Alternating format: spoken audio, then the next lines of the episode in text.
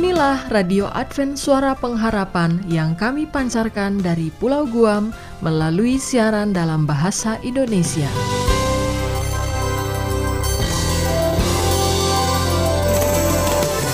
Salam sejahtera kepada saudara pendengar di mana pun Anda berada. Selamat berjumpa kembali dengan kami Radio Advent Suara Pengharapan.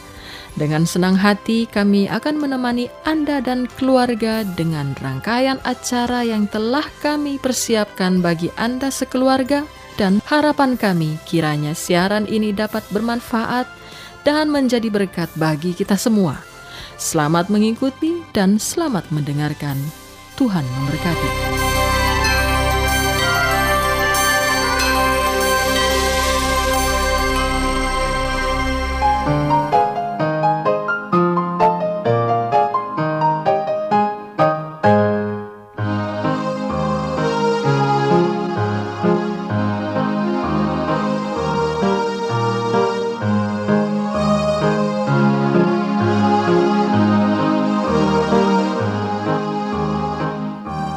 Radio Advent Suara Pengharapan yang budiman Di mana pun Anda berada Kita bertemu kembali dalam ruang komunikasi rumah tangga Acara ini akan membahas tentang komunikasi rumah tangga Acara ini akan diasuh oleh Dr. Niko Koro dan Ayura Yosep Manik dari studio, kami yang bertugas mengucapkan selamat mendengarkan. Tuhan memberkati.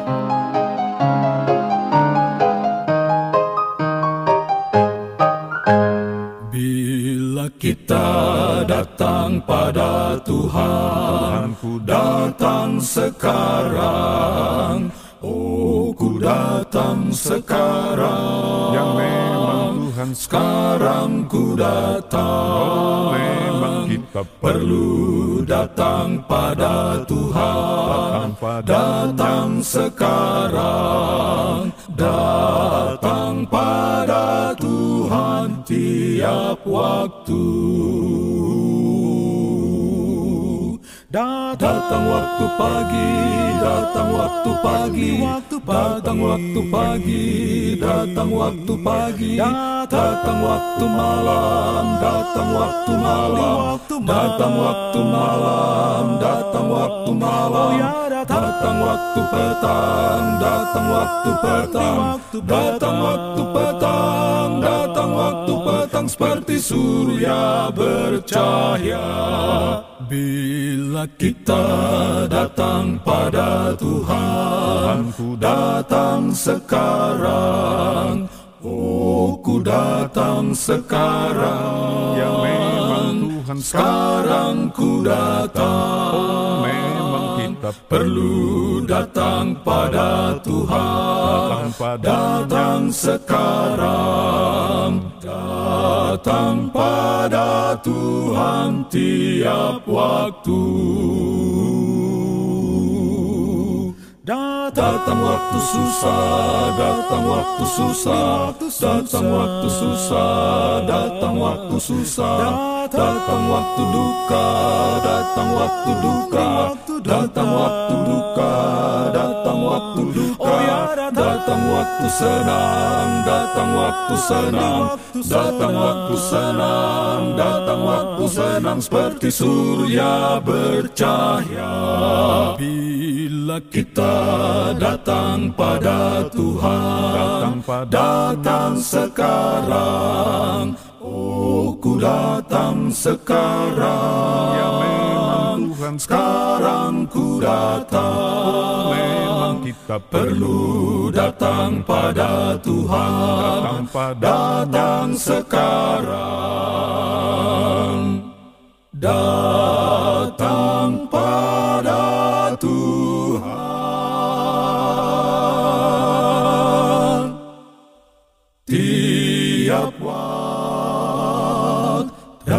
Waktu pagi, datang waktu petang, datang tiap waktu.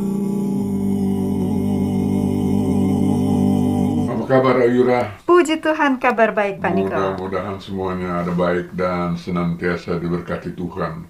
Demikian pula dengan keadaan dari masing-masing anggota rumah tangga, dari pendengar Radio Advent Suara Pengharapan di mana pun Anda berada. Amin. Kiranya berkat dan kasih karunia Yesus Kristus senantiasa bersama-sama Anda dan keluarga Anda. Walaupun kita harus menghadapi berbagai masalah dan tantangan di dalam kehidupan kita masing-masing, namun Tuhan senantiasa masih menyertai kita semuanya. Amin. Puji Tuhan, eh, kita semua berterima kasih karena berkat Tuhan yang senantiasa kita semua terima dan juga rumah tangga kami dan kami masih berada dalam keadaan sehat walafiat. Harapan yang sama untuk Pak Niko ya Pak dan seluruh Terima keluarga. Karena kita masih membicarakan masalah rumah tangga, maka mungkin saja kita melupakan bahwa sebenarnya rumah tangga kita masing-masing sudah merupakan lahan penginjilan yang efektif. Hmm, ya. Sebab jangan kita lupa bahwa rumah tangga sebagaimana sudah kita bicarakan sebagai rumah tangga adalah sebagai lembaga ciptaan Tuhan. Ya. Tolong bacakan juga firman Tuhan dalam buku Kejadian 1 ayat 27. Silakan Yura. Baik, para pendengar kita akan baca kejadian 1 ayat 27 dan kali ini topik bahasan kita adalah peran rumah tangga sebagai lahan pekabaran Injil. Baik, kita buka kejadian 1 ayat 27. Maka Allah menciptakan manusia itu menurut gambarnya. Menurut gambar Allah diciptakannya dia. Laki-laki dan perempuan diciptakannya mereka. Ya memang jelas sekali dalam firman Tuhan ini bahwa laki-laki dan perempuan atau rumah tangga yang pertama di atas dunia ini Iya. diciptakan menurut gambar dan rupa Allah. Jadi dapat dikatakan dengan kata lain bahwa laki-laki dan perempuan di dalam suatu rumah tangga memiliki citra yang sama seperti Allah. Ya, Yang jadi yang paling sedikit Anda dan saya sebagai pendengar Radio Advent Suara Pengharapan paling tidak memiliki kemiripan dengan karakter Allah sebelum kita jatuh ke dalam dosa tentunya. hmm, Tolong bacakan juga firman Tuhan dalam Injil eh, 1 Yohanes 4 ayat 8. Silakan Yura. baik. Mari sekarang kita baca bersama 1 Yohanes 4 ayat 8. Barang siapa tidak mengasihi, ia tidak mengenal Allah, sebab Allah adalah kasih. Jadi jelas ya di sini Allah itu kasih. Tidak bisa lain dari itu, bukan? Ya, benar sekali. Oleh karena itu maka kita pun sebagai manusia harus saling mengasihi. Ya, Dan hal itu harus kita terapkan di dalam masing-masing rumah tangga di mana kita berada. Dan sebelum kita menginjil keluar sesuai dengan tugas kita masing-masing, maka ladang utama yang paling efektif untuk kita adalah pertama-tama tentu adalah di dalam rumah tangga kita masing-masing. Tolong bacakan juga firman Tuhan dalam Injil Lukas 19 ayat 4 sampai dengan 6. Silakan Ayura. baik. Para pendengar, kita akan baca sekarang Injil Lukas 19 ayat 4 sampai 6. Maka berlarilah ia mendahului orang banyak, lalu memanjat pohon ara untuk melihat Yesus yang akan lewat di situ. Ketika Yesus sampai ke tempat itu, ia melihat ke atas dan berkata, Sakeus, segeralah turun, sebab hari ini aku harus menumpang di rumahmu. Lalu Sakeus segera turun dan menerima Yesus dengan sukacita. Ya ini satu kisah yang menarik. Eh, sejak kecil saya juga sudah dapat cerita ini ya. Dan ini sangat menarik karena Sakeus adalah seorang pemungut cukai yang oleh orang Yahudi selalu dianggap orang berdosa atau dianggap orang kafir. Namun Yesus mau datang berkunjung ke rumahnya. Ini merupakan sukacita istimewa bagi Sakeus. Merespon kedatangan Yesus ke rumahnya. Pasti demikian ya. Iya. Baik Pak Niko, sebelum kita lanjutkan eh, diskusi kita ini, lebih dahulu pendengar kita kita ajak untuk menerima berkat melalui lagu pujian yang berikut ini. Selamat mendengarkan.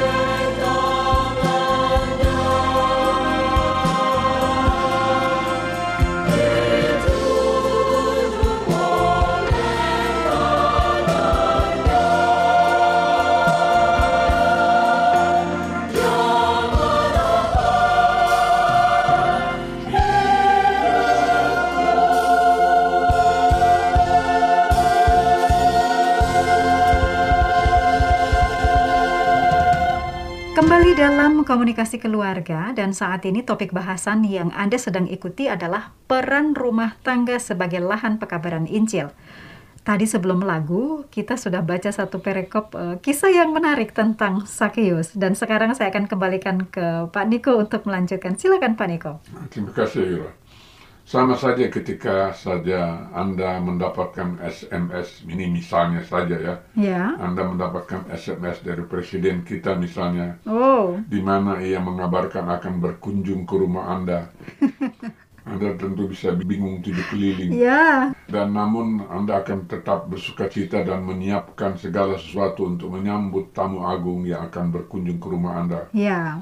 Tidak heran di dalam peristiwa Zakheus, dia pun sampai mau naik ke pohon untuk melampiaskan rasa sukacitanya melihat sosok Yesus yang sedang ber- berjalan menuju di daerahnya. Dengan kata lain, bila kita menerima Yesus di dalam rumah kita atau rumah tangga kita, tentu semua anggota rumah tangga akan bersuka cita ya Pak ya, Iya, melihat selalu. Yesus ada dalam keluarga kita, walaupun ya secara fisik tidak terlihat. Namun kita dapat merasakan kehadirannya secara rohani. Dan tentu akan muncul rasa sukacita dalam jiwa kita masing-masing. Ya, itulah sebenarnya makna kehadiran Yesus di dalam rumah tangga kita, yakni kehadiran secara rohania.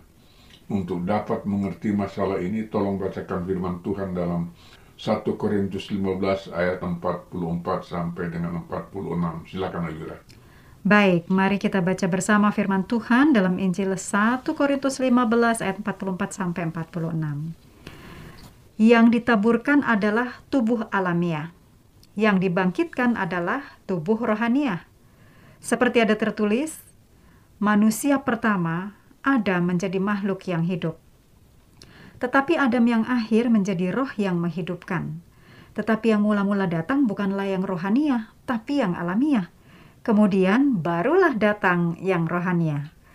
Jadi jelas melalui firman Tuhan ini bahwa tubuh rohani kita menjadi hal yang amat penting ya. Ya, Itulah sebabnya Roh Kudus akan tinggal dalam kita menjadi bagian dalam diri kita. Seperti itu ya Pak Niko? ya, saya kira memang demikian Ayura. Dan itulah yang dijelaskan oleh Injil Rasul Paulus dalam 1 Korintus 6 ayat 19 sampai 20. Dan tolong bacakan ayat di dalam firman Tuhan tersebut. Silakan Ayura.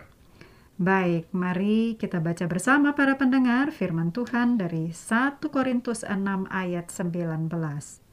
Atau tidak tahukah kamu bahwa tubuhmu adalah bait roh kudus yang diam di dalam kamu? Roh kudus yang kamu peroleh dari Allah dan bahwa kamu bukan milik kamu sendiri. Ya, jadi jelas sekali bahwa tubuh kita telah menjadi bait roh kudus yang diam di dalam diri dan tubuh kita. Ya, itulah sebabnya tubuh kita yang menjadi bait, bait roh kudus dan kemudian kita menjadi bagian dari rumah tangga Kristiani kita. Maka jelas bahwa kita adalah bagian dari rumah tangga itu. Ya. sehingga senantiasa dapat menjadi lahan yang subur terhadap pekabaran Injil asal kita senantiasa mau mempertahankan bait Roh Kudus itu untuk tetap berada di dalam tubuh dan jiwa kita masing-masing. Ya. Namun itu semua akan bergantung kepada kita sendiri secara pribadi. Apakah kita tetap mau mempertahankan hubungan kita dengan Yesus Kristus Ya. itu benar sekali Ayura dan tolong bacakan juga firman Tuhan dalam 2 Korintus 6 ayat 16. Silakan Ayura. Baik, mari kita baca bersama firman Tuhan dalam Injil dalam 2 Korintus 6 ayat 16. Apakah hubungan bait Allah dengan berhala? Karena kita adalah bait dari Allah yang hidup. Menurut firman Allah ini, aku akan diam bersama-sama dengan mereka dan hidup di tengah-tengah mereka. Dan aku akan menjadi Allah mereka dan mereka akan menjadi umatku. Jadi karena kita adalah orang-orang yang menuruti apa yang dikehendaki Allah, maka jelas kita bukanlah penyembah berhala, tapi kita adalah umat yang hanya mau menuruti firman Tuhan, sehingga kita patut menjadi umatnya. Namun bagaimanapun dunia yang fana ini masih di bawah kuasa iblis sehingga celah peluang yang kecil saja di dalam alam pikiran kita sehingga bait Roh Kudus itu di dalam pikiran kita akan mudah sekali disusupi oleh pikiran-pikiran iblis. Oleh karena itu, pikiran kita senantiasa harus dipagari dengan firman Tuhan selalu melalui doa agar kita tidak mudah disusupi oleh pikiran-pikiran sang iblis. Ya. Tolong bacakan juga firman Tuhan dalam Injil Markus 8 ayat 33. Silakan Yura. Baik, mari kita baca firman Tuhan dalam Injil Markus 8 ayat 33. Maka berpalinglah Yesus dan sambil memandang murid-muridnya, ia memarahi Petrus, katanya, Enyahlah iblis, sebab engkau bukan memikirkan apa yang dipikirkan Allah, melainkan apa yang dipikirkan manusia. Wah, dari apa yang diungkapkan Yesus kepada murid-muridnya, pikiran-pikiran manusia itu mudah sekali disusupi oleh pikiran-pikiran dunia atau pikiran yang sudah dikotori oleh dosa. Itulah sebabnya pikiran manusia harus senantiasa dipagari oleh firman Tuhan. Sehingga pola pikir kita itu akan terarah kepada pola pikir Kristus. Ya, Tolong bacakan juga firman Tuhan dalam Injil Markus 7 ayat 21 sampai dengan 23. Silakan Aira. Baik. Sekarang kita baca Injil Markus pasal 7 ayat 21 sampai 23. Sebab dari dalam, dari hati orang, timbul segala pikiran jahat, percabulan, pencurian, pembunuhan, perzinahan, keserakahan, kejahatan, kelicikan, hawa nafsu, iri hati, hujat, kesombongan, kebebalan. Semua hal-hal jahat ini timbul dari dalam dan menajiskan orang. Ya, memang pikiran manusia yang penuh dosa ini senantiasa berorientasi dalam pikiran duniawi ya. Ya. Ya, mungkin karena kita memang masih tinggal dalam dunia yang berlumuran dosa ini, walaupun itu bukan alasan sebenarnya ya. Ya memang benar demikian Agira tentang pola pikiran manusia. Oleh karena itu Rasul Paulus menasihatkan kepada kita supaya kita sebagaimana yang ditulis dalam surat surat kepada jemaat di Filipi oleh Rasul Paulus. Tolong bacakan Ayura Filipi 4 ayat 7 sampai dengan 8. Silakan Ayura. Baik, mari kita baca bersama firman Tuhan Filipi 4 ayat 7 sampai 8. Damai sejahtera Allah yang melampaui segala akal akan memelihara hati dan pikiranmu dalam Kristus Yesus. Jadi akhirnya, saudara-saudara, semua yang benar, semua yang mulia, semua yang adil, semua yang suci, semua yang manis, semua yang sedap didengar, semua yang disebut kebajikan dan patut dipuji, pikirkanlah semuanya itu. Jadi pola pikir kita harus diubah menjadi pola pikir Kristus sebagaimana yang diungkapkan oleh Rasul Paulus kepada jemaat di Filipi. Ya, para pendengar yang dikasihi Tuhan, terima kasih untuk perhatian Anda. Terima kasih juga Pak Niko untuk sudah mengangkat eh, topik yang sangat baik ini. Namun karena waktu yang membatasi, maka kita akhiri dahulu diskusi pada kesempatan ini karena kita akan lanjutkan topik ini ya Pak Niko ya Iya. untuk eh, waktu berikutnya. Dan saat ini kami sangat berharap dan selalu berdoa kiranya Tuhan yang memberkati semua para pendengar dan seluruh keluarga. Dan kali ini sebagaimana biasa narasumber kita Bapak Niko akan menutup di dalam doa. Silakan Pak Niko. Kasih Ayura. Baik saudara-saudara yang kasih dalam Kristus Yesus. Marilah kita menundukkan kepala sejenak dan kita berdoa. Allah Bapa kami yang bertahta di atas kerajaan sorga, kami bersyukur dan terima kasih kepadamu Tuhan oleh karena kami telah merasakan kasih karunia yang berlimpah selama ini. Demikian pula Engkau telah menuntun diskusi kita mengenai lahan rumah tangga kita sebagai lahan pekabaran Injil. Kiranya itu boleh tertanam dalam hati sanubari kita sebagai dalam setiap pendengar radio Advent Suara Pengharapan di mana pun Anda berada bersama-sama keluarga, keluarga Anda. Tolong ampunkan segala dosa dan kesalahan kami ya Tuhan, karena doa dan seruan ini kami naikkan hanya melalui nama yang indah, Yesus Kristus Juru Selamat kami yang hidup. Amin. Amin.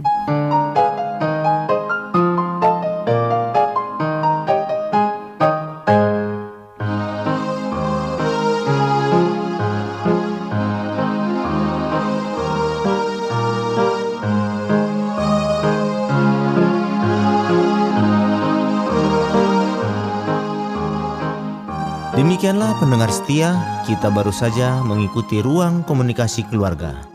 Kiranya boleh menjadi berkat khusus dan sukacita bagi kehidupan Anda dan keluarga. Bila Anda mempunyai pertanyaan untuk masalah komunikasi keluarga, Saat ini Anda dapat langsung menghubungi narasumber kita, Dr. Niko JJ Koro di 0813 1806 5638. Kami ulangi, 0813 1806 5638. Baik menelepon atau mengirim SMS. Terima kasih kami ucapkan bagi Anda semua pendengar kami yang setia. Salam kasih dan sejahtera. Kiranya Tuhan memberkati kita semua.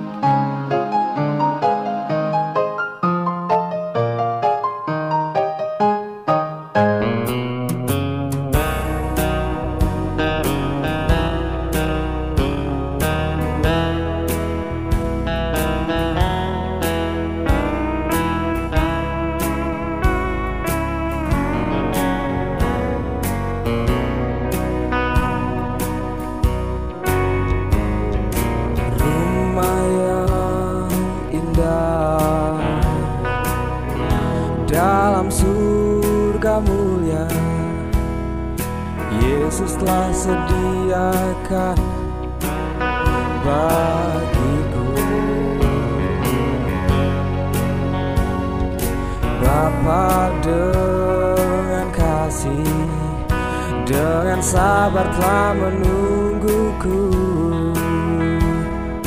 Anakku Masuklah rumah perhentianmu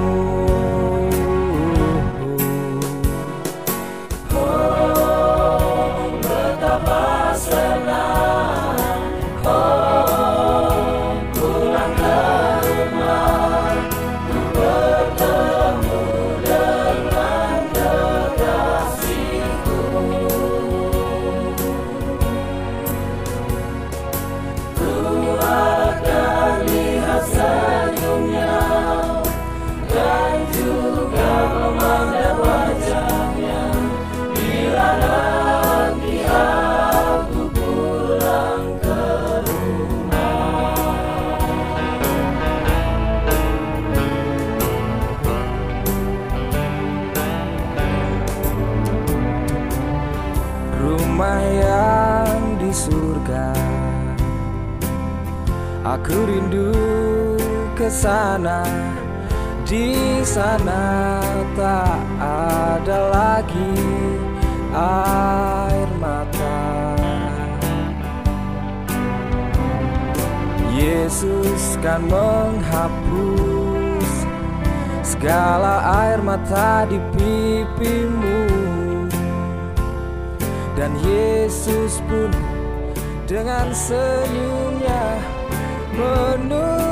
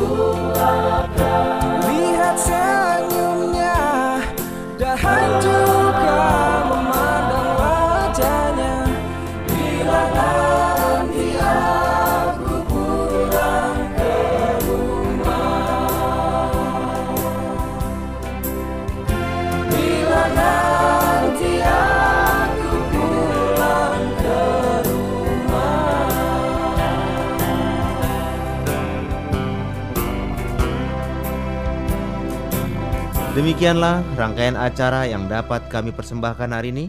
Dan apabila Anda mempunyai pertanyaan atau ingin mendapat pelajaran Alkitab penemuan baru, silakan menghubungi kami. mengirimkan surat ke alamat Radio Advent Suara Pengharapan, PO Box 8090 Jakarta 12810 Indonesia. Anda juga dapat menghubungi kami melalui telepon atau SMS di nomor 0821 1061 1595 atau Anda dapat menulis di email kami awrindonesia@yahoo.co.id. Anda juga dapat bergabung di Facebook kami Pendengar Radio Advent Suara Pengharapan atau di Radio Advent Suara Pengharapan. Terima kasih kami ucapkan bagi Anda semua pendengar kami yang setia. Kita akan berjumpa kembali pada waktu dan gelombang yang sama esok hari. Salam kasih dan sejahtera, kiranya Tuhan memberkati kita semua.